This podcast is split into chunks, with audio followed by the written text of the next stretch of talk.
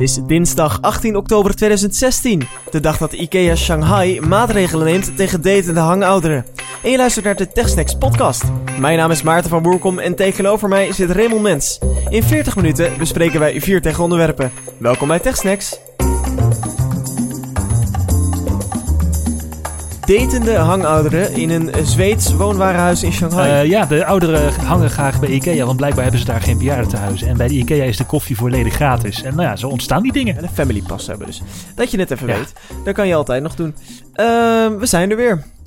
En ik wil de heer E. Musk bedanken voor het volledig overhoop gooien van deze aflevering. Want vanavond zou er groot nieuws van Elon Musk komen. We denken, yes, Tesla, SpaceX, we zitten er bovenop. En wat volgt? Een tweet van Elon Musk waarin hij ongeveer zegt... Ja, weet je, het is toch nog niet helemaal klaar. Dus we verplaatsen het gewoon een dagje. Ja, doen we gewoon, ik bedoel, uh, ja, dat je niet denkt dat het een heel groot bedrijf is of zo.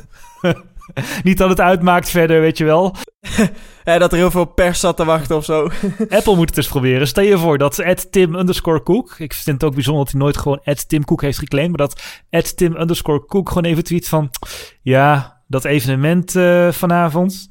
Weet je, gewoon morgen. Want uh, er zijn nog een paar dingetjes aan de nieuwe Macs die zijn niet lekker. hey, we moeten even ons excuus maken aan Jorn. Die vroeg namelijk of we iCloud samenwerken eens wilden proberen. Wij zeiden, ah, gaan we doen Jorn. Uh, Jorn, Sorry, we hebben het nog niet gedaan. Gaan we zeker nog wel doen, maar dat werd hem dus niet deze week. Uh, eventueel kun je uh, Tim Hofman vragen bij Boos. Uh, ja, dan gaan we het alsnog doen. Um, hadden we verder nog follow-up? We hadden een, via de website een bericht van Nick. Die deelt mijn liefde voor de Snapchat Spectacles. Toch fijn om te horen. Oh, die zonnebril hè? Met die ja, ja, de, de geïntegreerde camera. Nick schrijft, ja, ik zou hem ook willen kopen. En los van de integratie met Snapchat is het namelijk de enige camera... die een meerwaarde biedt tegenover fotograferen of filmen met mijn iPhone. En ik kan me heel goed voorstellen dat ik het praat mening op vakantie. En om mijn vakantie zo helemaal vanuit een ander perspectief vast te leggen. En uh, nou, dat schrijft Nick. Mm, interessant, interessant. Het, het, je zou ook een actiecamera kunnen kopen dan, denk ik. Maar dat is natuurlijk meer moeite dan hem op je hoofd zetten en gewoon gaan. Precies, dat is het hele idee van die bril volgens mij. En om de follow-up af te sluiten heb ik nog een oproepje. Ik ben benieuwd of wij luisteraars hebben die een Raspberry Pi uh, in gebruik hebben. En wat zij daar dan mee doen. Ik heb er zelf ook behoorlijk wat mee geknutseld de afgelopen tijd. En ik ben benieuwd wat voor creatieve dingen onze luisteraars met de Raspberry hebben gedaan. Ben ik reuze benieuwd naar. Laat het even weten via Twitter, Facebook of via reactie uh, op de website. Nou hadden we net een discussie dat we het hierover gehad hadden. En volgens mij is dat zo. Um, wie weet belandt deze wel bij de bloopers. En die bloopers, uh, die vind je tegenwoordig online, hè? Ja, ik heb, het, ik heb bedacht, als ik toch bloopers aan het knippen ben... dan kan ik ze net zo goed even exporteren en op onze Soundcloud-pagina zetten. Bijzonder goed idee van jou dit, Raymond. Ja, hè? Ja, want op een of andere manier ben ik altijd degene die in die bloopers uh, belandt, op een of andere manier. Nou, dan heb je mijn wijnglas nog niet oh, gehoord de afgelopen ja. tijd. Nou, dat, dat, dat maakt wel uh, goed voor 10 bloopers van jouw kant. Nee, dus uh, even Soundcloud, uh, op Soundcloud zoeken naar TechSnacks. En dan vind je tussen de gewone afleveringen door ook wat bloopers voor tweeten. En Facebook is ook altijd. Maar niet iedereen die de podcast luistert volgt ons daar ook. Dus ik denk, nou, meld het ook nog even in de podcast. Ja. Uh, dus uh, dat kun je op Zuidland vinden, exclusief. Um, Raymond, de eerste techsnack. Uh, dat volgt uit een fragmentje wat ik op YouTube aan het kijken was. En ik zat me een beetje op te vreten achter mijn computer. Want dat was Alexander Klupping, de DVD-hipster van Blendel. Met ook de Universiteit van Nederland. Alexander Klupping, die werd geïnterviewd in het kader van 65 jaar televisie. En Alexander Klupping, die gaat er als een soort van millennial even een rant houden tegen de tv, tegen het medium televisie. Ja, ik werd daar gewoon een beetje uh, boos en geïrriteerd van. Zo even luisteren. Ik vind de distributiemethode debiel.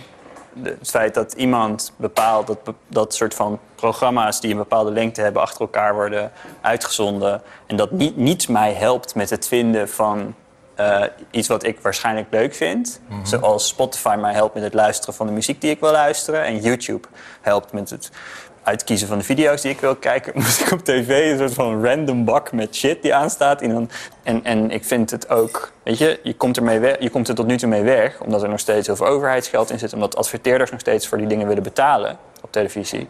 Maar als ik nu adverteerder zou zijn, ik zou niet begrijpen waarom je gewoon een soort van random uh, groep mensen een, een filmpje voor. Schieten met hagel, gewoon. Ik vind dat televisiemakers in die zin best wel arrogant zijn over het product wat ze maken. Uh, ze komen ermee weg, maar dat gaat niet lang meer duren. En daarom ben ik misschien ook wel een beetje soort van opgefokt en, en, en, en zie ik het ook allemaal wel graag een beetje mislukken. Dan denk ik, ja. Eigen schuld. Ja, dikke bult. Ik heb een kijkcijfer, ik heb een grafiekie.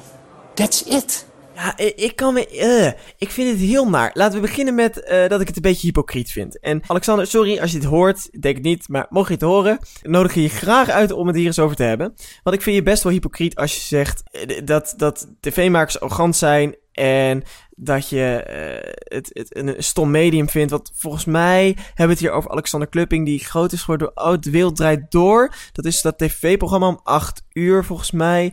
Ehm, en volgens mij is dat nou las ik op het Parool laatst een artikel. Dat was 21 september 2016. De NTR gaat vanaf volgende maand colleges uitzenden op NPO 3. De publieke omroep kondigde woensdag aan samen te werken met de Universiteit van Nederland van Alexander Klupping. Klupping presenteert de televisieafleveringen die 10 minuten langer duren dan de online college. Hè?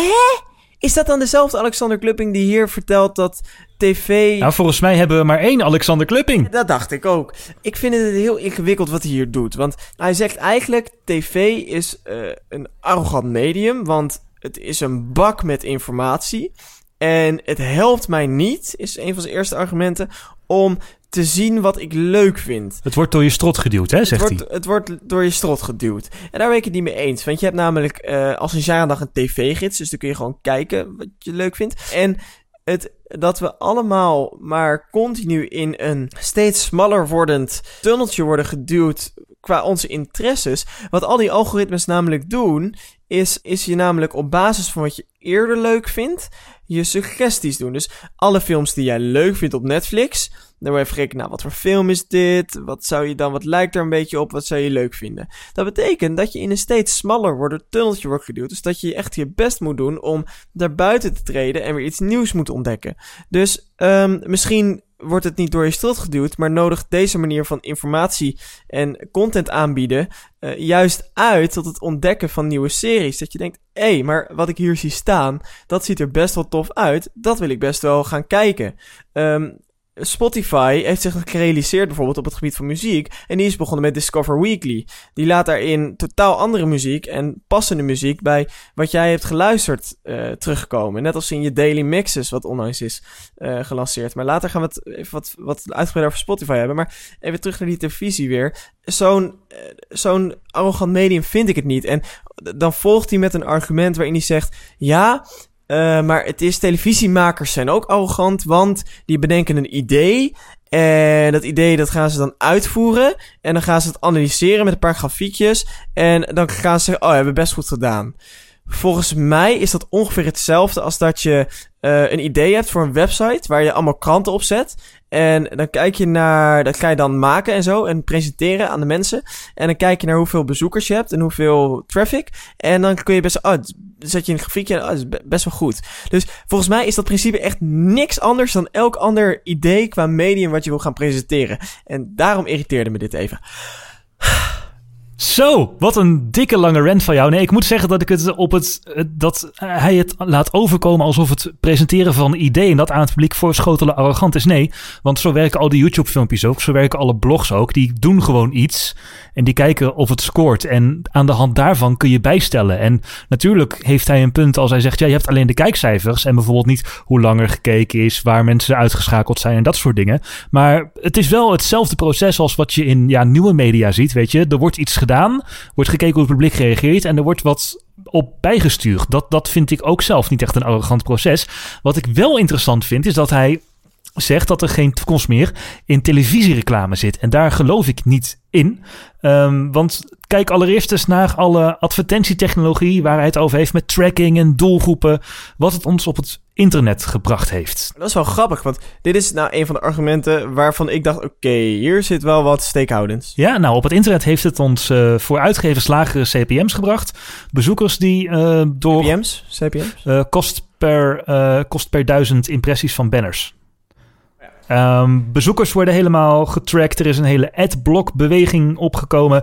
Websites uh, laden trager. Content wordt vermomd als advertenties. En het is wel prima, dat soort advertenties, om een niche te bereiken. Dus om een bepaald soort type mens te bereiken waar je heel gefocust op wil adverteren. Maar dat wil Coca-Cola helemaal niet. Dat wil Robijn helemaal niet. Dat willen alle grote merken die in de supermarkt liggen, willen dat helemaal niet. Die willen gewoon dat jij, de volgende keer dat je in de supermarkt staat, denkt van... Oh ja, Robijn, dat heb ik gehoord op tv. in mijn onderbewust, in, in mijn onderbe, onbewustzijnde pak ik toch die fles Robijn in plaats van die fles huismerkwasmiddel. En dat is een veel breder publiek. Dat, dat is een veel breder publiek dan je, dan je met die niches waar je het over hebt weet te bereiken. Het is eh, CPG, Consumer Packed Goods.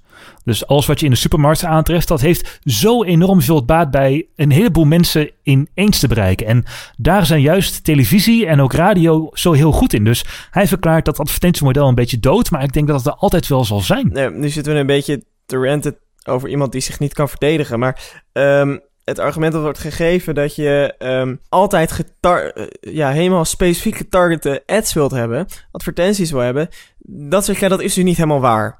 Je wil ook gewoon het is voor een, voor een bepaald uh, deel van de producten is het waardevol. Maar er zijn ook gewoon merken die, zijn, die hebben niet echt iets specifieks te verkopen. Zoals Coca-Cola. Ja, dat heeft gewoon. Weet je, dat moet gewoon in mensen hun hoofd zitten. En ook juist op het internet is het vaak dat de advertentie zit naast de content, door de content of om de content. En bij televisie neemt het juist het hele scherm over. En dat is voor dat soort brand advertising juist zo enorm krachtig. Ja, maar het is wel, zeg maar, het moment dat ik denk, oh, tijd om wat drinken te halen. Ik loop dat, even weg. Dat hou je sowieso, maar op het internet heb je ook bannerblindheid. Dus ja, dat heft elkaar wel redelijk op, denk ik.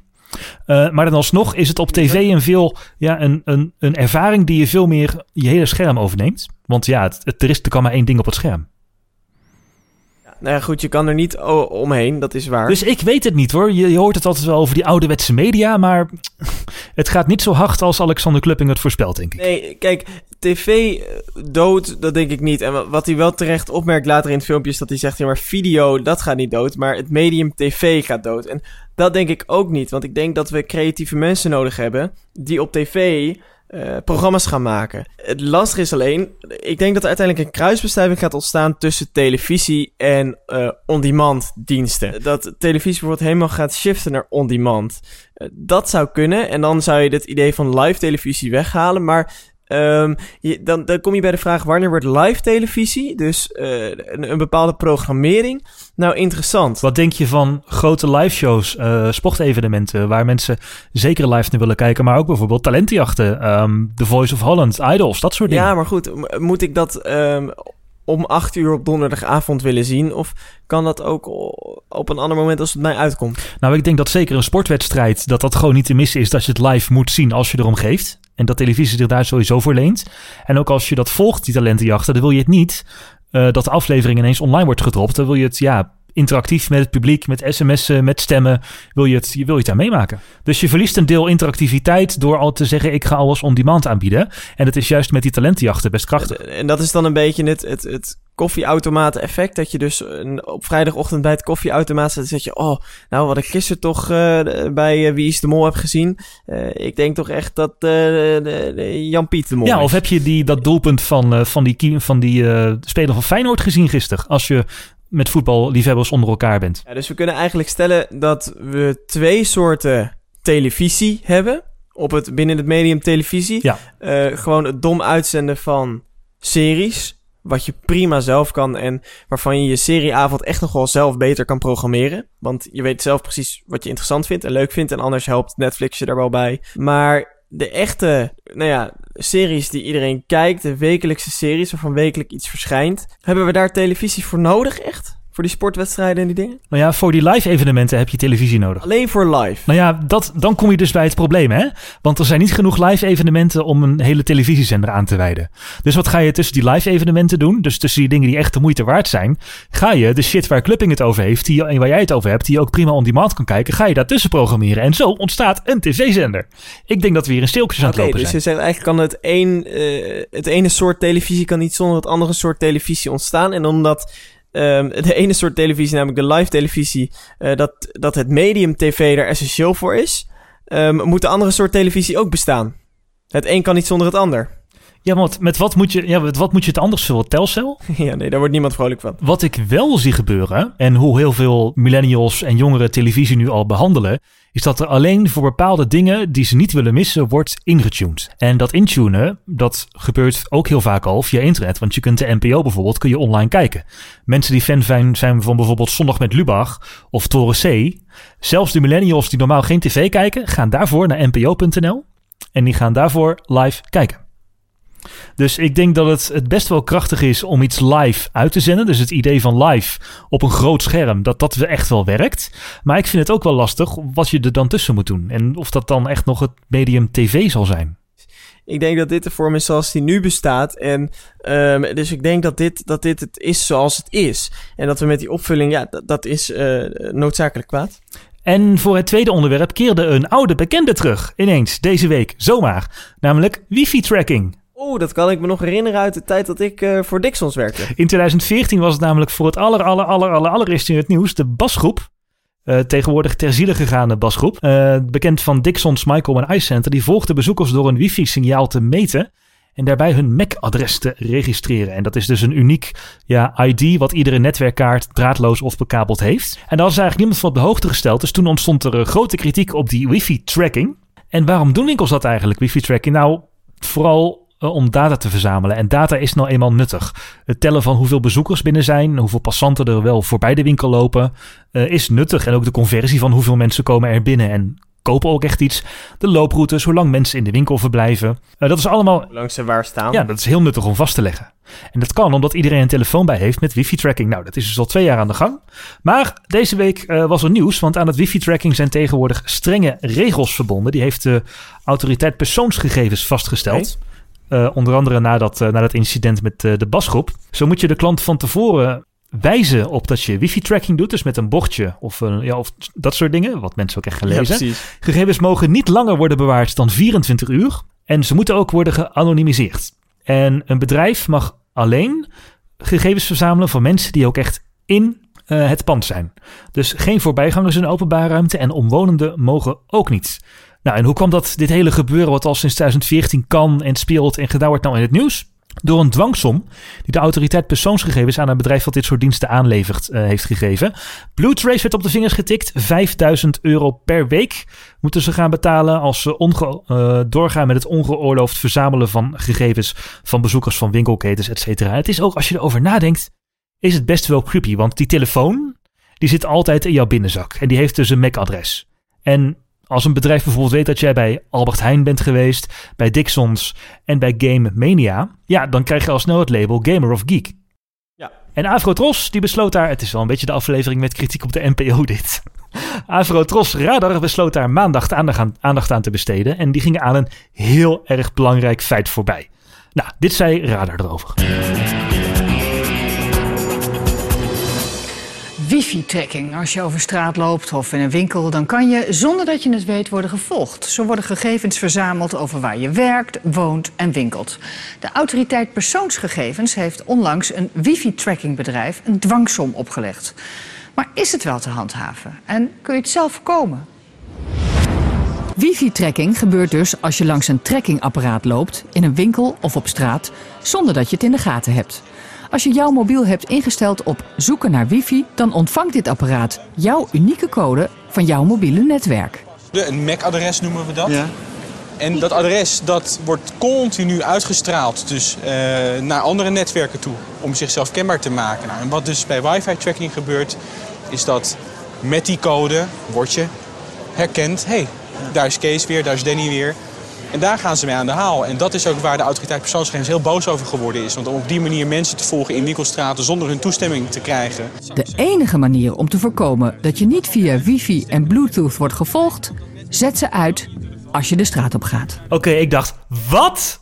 Het is niet te voorkomen? Zet ze uit? Wat een bullshit. Dit hebben we al lang opgelost. Oh, want? Echt. Ik hou, een, ik hou een artikel wat ik heb geschreven in september van 2014 erbij, getiteld iOS 8 maakt korte metten met wifi-tracking. Oh, dit is me even ontgaan, vertel. Ja, iOS geeft een willekeurig MAC-adres terug, sinds iOS 8 in 2014, als je naar wifi-netwerken scant. En het wordt nog mooier, want in september 2015 schreef ik... wifi-tracking in iOS nog verder beperkt. Niet alleen wanneer naar een netwerk gescand wordt... maar ook als je vanuit standby telefoon opstart en een locatiescan doet, dus hè, wifi kan ook gebruikt worden om je locatie te bepalen aan de hand van de netwerken die in de buurt zijn, wordt er ook een random adres um, gebruikt. En ook bij auto-joint scans, waarbij de telefoon eigenlijk zegt van nou, ik broadcast nu welke netwerken ik ken. Is er iemand hier die dat netwerk is? Dan kan ik verbinding maken. Ja, jij, mooi, verbinding. Dan krijg je ook een random MAC-adres. Ja, maar is dat alleen bij iOS zo? Nee, dat is dus ook al vanaf, ik heb het even opgezocht natuurlijk. Bij Android 6.0 is dat, wat inmiddels op 30% van de Android-apparaten staat. En ook. Windows, en ook Windows 10 doet het al. En dat heeft. Radar gewoon niet vermeld. Mm, Dus we hebben, we hebben consumenten die naar Radar kijken bang gemaakt. En zeggen van, oh, je kunt getracked worden. Terwijl alle smartphonefabrikanten hebben hier al maatregelen tegen genomen. Zowel iOS als Android als die ene ziel op deze wereld die met Windows Phone 10 rondloopt. Wat overigens op de zakelijke markt een hele fijne OS. Maar daar gaan we het de andere keer over. Ja, nou en omdat dit een tech-podcast is en geen radar, heb ik er nog wat eh, diepere research naar gedaan. Van is het nou echt niet meer mogelijk om mensen te tracken? En ja, natuurlijk, fabrikanten hebben iets geïmplementeerd, maar er zijn altijd slimme mensen die er wat aan kunnen doen. Ik heb een paper gevonden van Marty eh, van Hoef. Hij is van de Katholieke Universiteit Leuven. En hij heeft aangetoond dat het ook nog met een willekeurig MAC-adres nog steeds mogelijk is om tracking te doen. En dat wil niet zeggen dat die winkels dit gebruiken. Dit is theoretisch dus mogelijk. Want dat MAC-adres wordt gewoon willekeurig door de telefoon verzonnen. En iemand heeft daar een soort van random functie op gezet. Maar die functie blijkt niet altijd even random. Dat blijkt eh, aan de hand van de willekeurigheid van de getallen.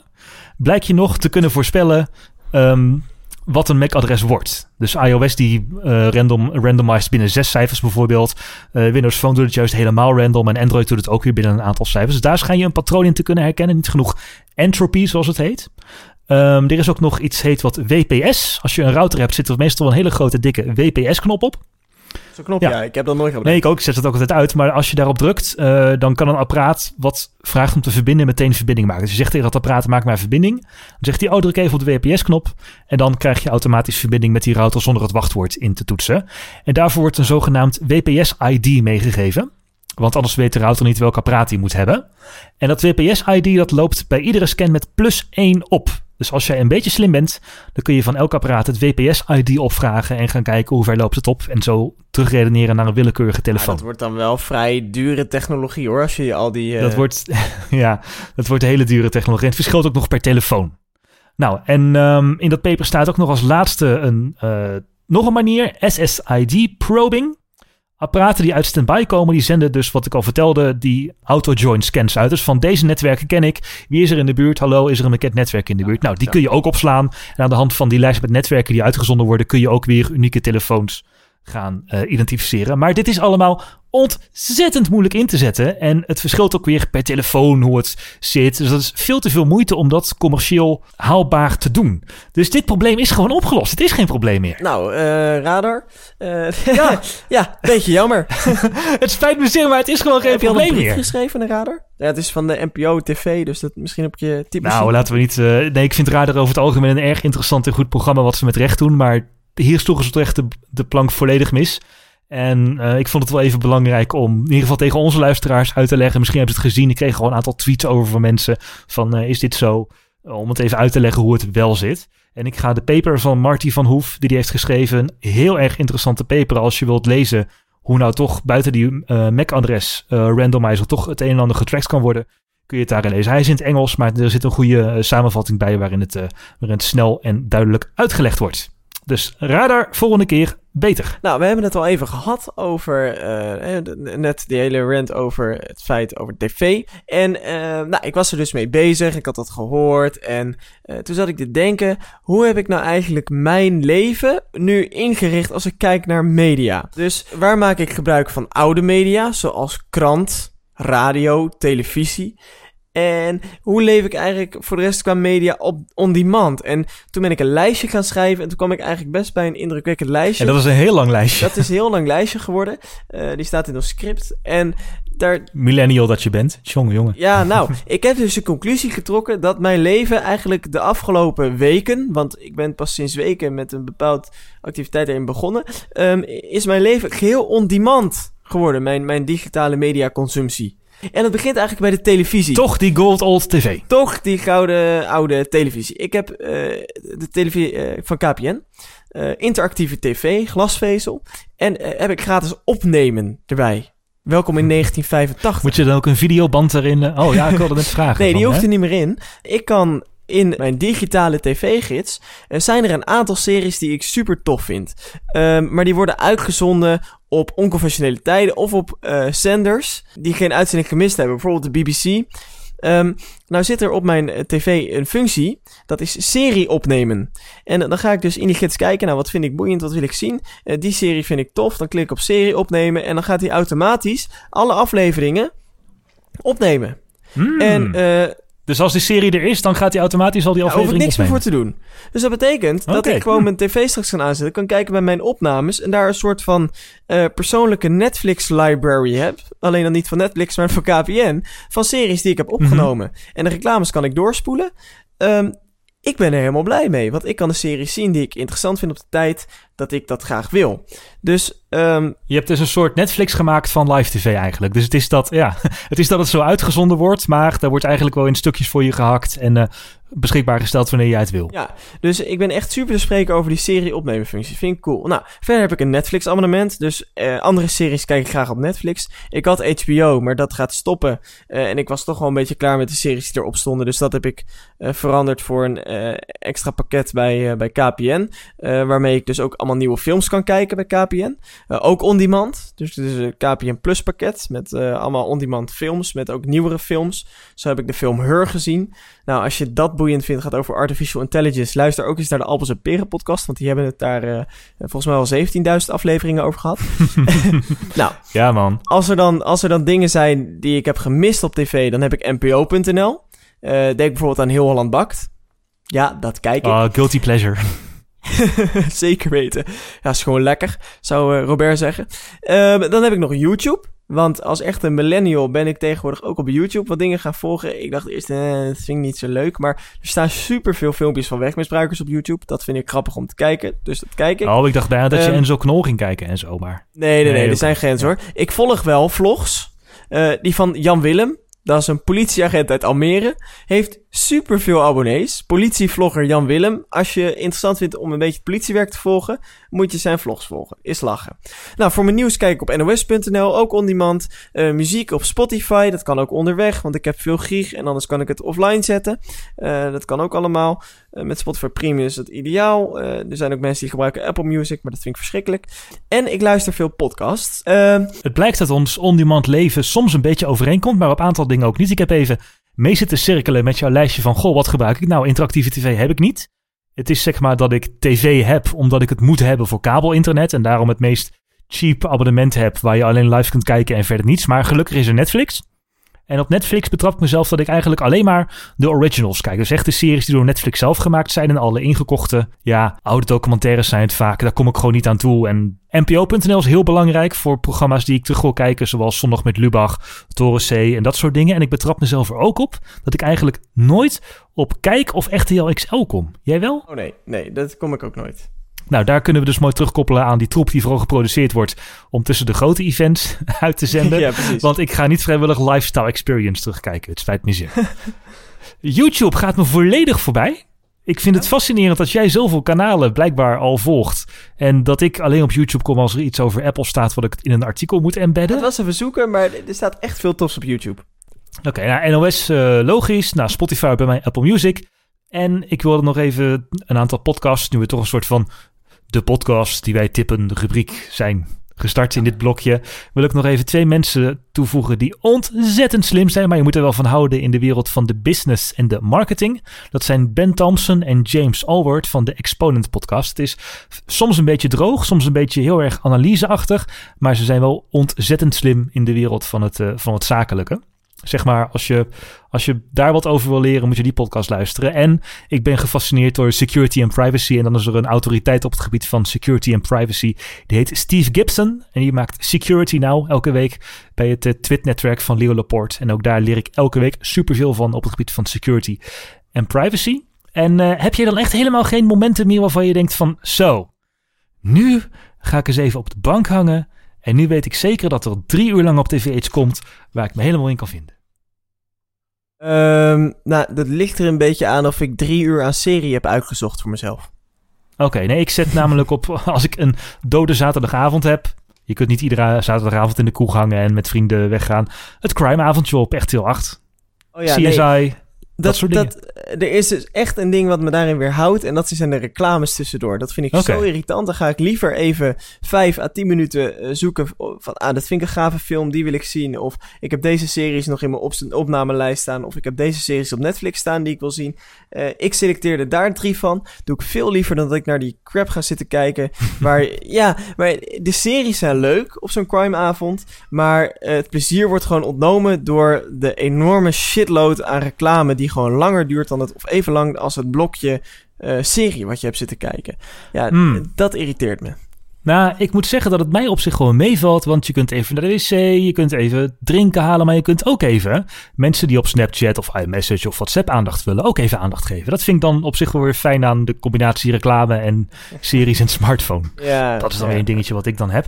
En eh, de Pirate Bay is voor mij ook nog steeds een belangrijke bron ehm, van series zoals Mr. Robot. Dat is strafbaar, hè? Ja, voor home video's eh, zoals Mr. Robot. home video's. Die niet, ehm, niet op, in Nederland te krijgen zijn gewoon. Ja. Maar ik moet wel zeggen dat dat steeds minder is, omdat het weer moeite is. En je moet ze opzoeken en ondertitels erbij zoeken. En soms heb je een netversie en het is allemaal heel moeilijk en ingewikkeld. Maar sommige dingen zijn de moeite waard. Zeker. Dus we kunnen eigenlijk wel concluderen dat wij behoorlijk on-demand leven. En dat behalve Ja. mijn, eh, mijn crime-avondje op echt heel achter ook eigenlijk niet zoveel live meer gebeurt. Ja, het enige wat ik nog wel eens live kijk is eh, sportwedstrijden. Ja, En dat is het. Ja, dan komen we, komen we toch stiekem wel een klein beetje op, eh, op wat ik zei in het, in het eh, tweede blokje, die grote events en sport. Ja, ik denk dat dat de toekomst van tv is. En dat ook hetgeen is wat tv nog overeind houdt. Ik mag hopen dat de Mac overeind blijft. Potverdorie zeg. Daarmee zijn we bij het laatste onderwerp. En eh, het was lange tijd heel erg stil rondom de Mac. De enige Mac die een update heeft gekregen is eh, de Mac die jij hebt, namelijk de 12-inch MacBook. MacBook. Ja, nothing. MacBook One. Ja, de MacBook gewoon. Amazing. Ja, en eh, de MacBook Pro. De MacBook Pro heeft geen updates gehad. De iMac niet, de MacBook Air niet, de Mac Pro niet en ook de Mac Mini niet. Maar daar gaat verandering in komen, want 27 oktober, volgende week, nu we dit opnemen, eh, komt er een Apple-event waarin het naar verluidt weer helemaal over de Mac gaat. Er is nog geen uitnodiging door Apple verzonden nu we dit opnemen. Maar Recode zegt het, Wall Street Journal zegt het, Mark Gurman zegt het. Nou, dan weet je al dat het waar Maar is. dit, tegenwoordig kan het zo zijn dat er dan een tweet verschijnt. Eh, ja, we doen het zeg maar toch even een dag later. eh, mocht dat vervelend zijn. De nieuwe Mac, de nieuwe Mac is nog steeds Ja, niet klaar. Nog steeds niet. nee, eh, ik wil even kort door, doornemen wat er dan verwacht wordt. Nou, natuurlijk een nieuwe MacBook Pro. Het is, ik vind het echt... Ik was laatst in de Apple Store en er werden MacBook Pro's verkocht. En ik kon me niet indenken dat die verkopers zich daar lekker bij voelden. Nee, nee. Twee jaar oude hardware aan mensen verkopen. Ik kan me niet indenken dat ze zich daar heel erg fijn bij voelen. Maar ja, back to school. MacBooks zijn nodig.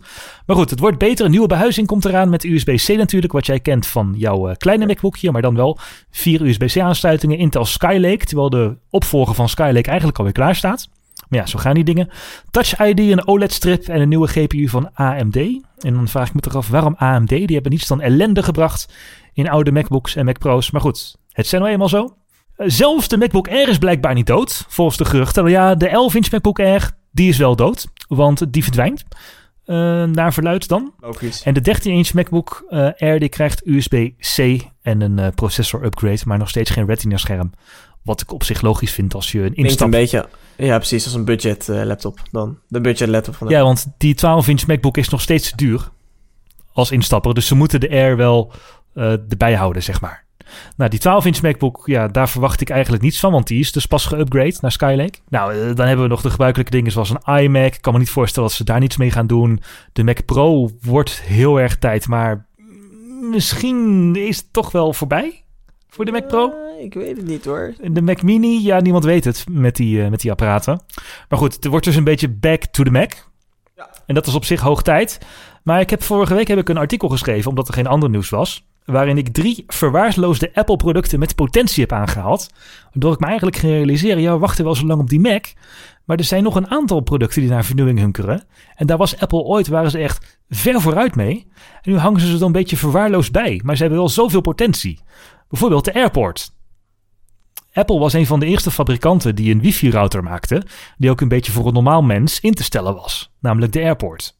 Nu heeft Google dat een beetje overgenomen, hè, vorige week. Of Ja, nou daar, daar wil ik dus heen. We hebben, Apple was altijd de tijd ver vooruit, was altijd keurig met de AirPort Extreme. eh, In 2013 waren ze een van de eerste die wifi AC uitbrachten. En ook de time capsule was een hele mooie geïntegreerde oplossing. Je kocht zo'n time capsule, dat was dan ook een router. En het werkte allemaal feilloos met je Mac, met uh, die ingebouwde harddisk. En wat je bij wifi ziet, is dat snelheden zijn eigenlijk niet zo boeiend meer, weet je wel. Wifi is snel genoeg. Ja, internet is ja. snel genoeg. Maar wat Google heeft, ons heeft laten zien, ook Sitecom met een uh, Huddle wifi, is dat het steeds meer gaat om mesh-netwerken. Dus verschillende routers in huis die samenwerken. En dan denk ik, potverdorie Apple, je hebt een airport. Je weet hoe je dingen gemakkelijk te configureren maakt. Wat weerhoudt je nou om zo'n airport oplossing voor een mesh-netwerk te lanceren? Ja. Ja, ja, ja, interessant, interessant. En dat is niet het enige product wat nog steeds wel relevant is. Het is misschien inmiddels een beetje het lachertje van de, van de Apple-producten, maar het Thunderbolt display, het externe scherm. Ja, nee, nee, nee. Daar zit toch geen uh, potentie meer in. Nee, geloof je dat niet? Als iemand straks voor zijn werk een nieuwe MacBook Pro wil hebben en hij moet daar een uh, scherm voor op kantoor bij hebben. Dan dat ga je naar de mensen... mediamarkt en dan kijk je wat daarvoor... Joh, Raymond, je hebt nu voor, voor, voor 200, 300 euro heb je prachtige schermen. Echt waar. Dat is alleen interessant voor, voor een niche als de, als de designwereld, als de kunstwereld, waar echt bijzondere kleurkalibraties nog uh, belangrijk zijn. Ik geloof niet dat... Nee, een, ja, een ik geloof scherm? Daar... Nee. Ik geloof daar dus nog wel in voor, nou niet alleen kunst, je haalt het wel aan dat die iMac die heeft een heel breed P3 kleurenspectrum. Nou, dat hebben die meeste monitors van de Mediamarkt niet. En het is gewoon een alles in één oplossing. En laten we niet vergeten, als die MacBooks richting USB-C gaan, dan wordt zeker voor op kantoren een hub-functionaliteit vrij belangrijk. Ja. ja. Moeten, we dan, moeten we dan een hub gaan kopen en een scherm bij de Mediamarkt? Mooie Samsung-scherm of zo? Ik hoop dat dat, uh, dat kantoor dan niet afvikt. hebben we doodgenegeerd het onderwerp. En dat gaan we ook vooral oh, doen. Ja. Uh, maar ik denk niet dat IT-buyers, dus IT-kopers IT voor werknemers zo werken, dat die niet even voor het hele kantoor een nieuwe MacBook en ook nog even naar de Mediamarkt voor de 100 schermen erbij. Die willen gewoon alles bij Apple kopen. En ik vind dat Apple, de tijd is daar rijp voor. We hebben USB-C als vervanger van MagSafe. We hebben het P3 kleuren spectrum. Thunderbolt 3 is er voor 5K. Alles kan gecombineerd worden in één scherm. En iets wat me echt, wat ook echt heel veel potentie had en nu een beetje doodbloed is Airplay. Google bracht vorige week Chromecast uit, of althans de een nieuwe Chromecast. En Apple heeft eigenlijk, ja, was de tijd met Airplay in 2010 ver vooruit. Uh, er is zelfs ooit een klein ecosysteempje van Airplay speakers ontstaan. Uh, ik heb er een in huis, een Philips Airplay speaker. Ik ook, een uh, van de Bose. Soundtouch. En de laatste vernieuwing aan Airplay komt uit 2013 met iOS 7. En sindsdien staat het eigenlijk stil. Ah ja, en de Apple TV natuurlijk. Maar... Ja, maar dat is nog steeds dezelfde technologie. Ja, bedoel, ja nee, maar. Het is niet echt fundamenteel veranderd. Maar is dat de, heel erg hardwarematig? Dan is het gewoon meer software? Ja, je zou, je zou bijvoorbeeld kunnen denken aan uh, een multiroom systeem. Ja. Dus dat de software geüpgrade wordt om multiroom te ondersteunen. Maar bijvoorbeeld ook, die Chromecast die is best wel populair. En hoe komt dat? Omdat dat ding 39 euro kost. Dus ik zat te denken aan een soort AirPlay mini-dongle voor in de HDMI-poort voor je tv. Of een soort van AirPlay-accessoire voor speakers waarmee je van iedere speaker een AirPlay-speaker maakt. Met multiroom-functie. Dat zou mooi zijn, een klein dongeltje. Ja, absoluut. En ik weet dus niet zo goed wat Apple nou met AirPlay van plan is. Want probeer maar eens een fatsoenlijke AirPlay speaker te vinden bij Mediamarkt of zelfs in de online Apple Store, die zijn er gewoon niet meer. Dat hele ecosysteempje wat er ooit was van fabrikanten die AirPlay speakers maakten, dat lijkt wel helemaal dood of zo. En ja, ook op gebied van tv's en adoptie van AirPlay in schermen en andere dingen zie ik gewoon niet zo heel veel gebeuren. En als laatste, uh, weliswaar geen hardwareproduct, maar uh, software Siri. Maar ik denk niet dat we daar in het komende event van volgende week uh, zulke grote veranderingen in gaan zien. Ze hebben pas een API gelanceerd voor Siri en ik denk dat ze langzaam daarop voortbouwen. Maar echt grote stappen gaan we natuurlijk niet zien. Het is wel grappig dat je het aanhaalt, want Walt Mossberg, de tech-columnist van uh, Rico tegenwoordig, die is het volledig met je eens. En die heeft Siri redelijk de grond ingeschreven in een uh, recent opiniestuk. Waarin hij het een domme, een domme assistent noemde. En dat is ook best wel, uh, is best wel hard aangekomen, zeg maar. Dus Walt Mossberg is het met je eens. Dat vaker zo. Ik had hem vorige week nog aan de telefoon. En, Ah, de Walt. nee, maar weet je, we zitten dan op nieuwe Macs te wachten. Maar het is dan ook even goed om je te realiseren dat er nog heel veel meer verwaarloosde producten en technologieën zijn. Die allemaal super fijn begonnen en waar Apple echt mee vooruit liep. En die nu een beetje aan een zijde draadje hangen of zo. Nou, we gaan het zien. hey, uh, mocht je nou luisteren en denken van... oh, maar ik weet wat ze gaan aankondigen... Uh, laat het even weten. Dan laten wij volgende uitzending wel weten of je het goed had. En, dan gaan we meteen uh, aan de haal met je mening. Dat kun je doen door naar www.technics.nl te gaan... en reageren op de uitzending. Dus knopje rechtsbovenin. Klik erop, laat je bericht achter... en wij gaan het lezen en meenemen.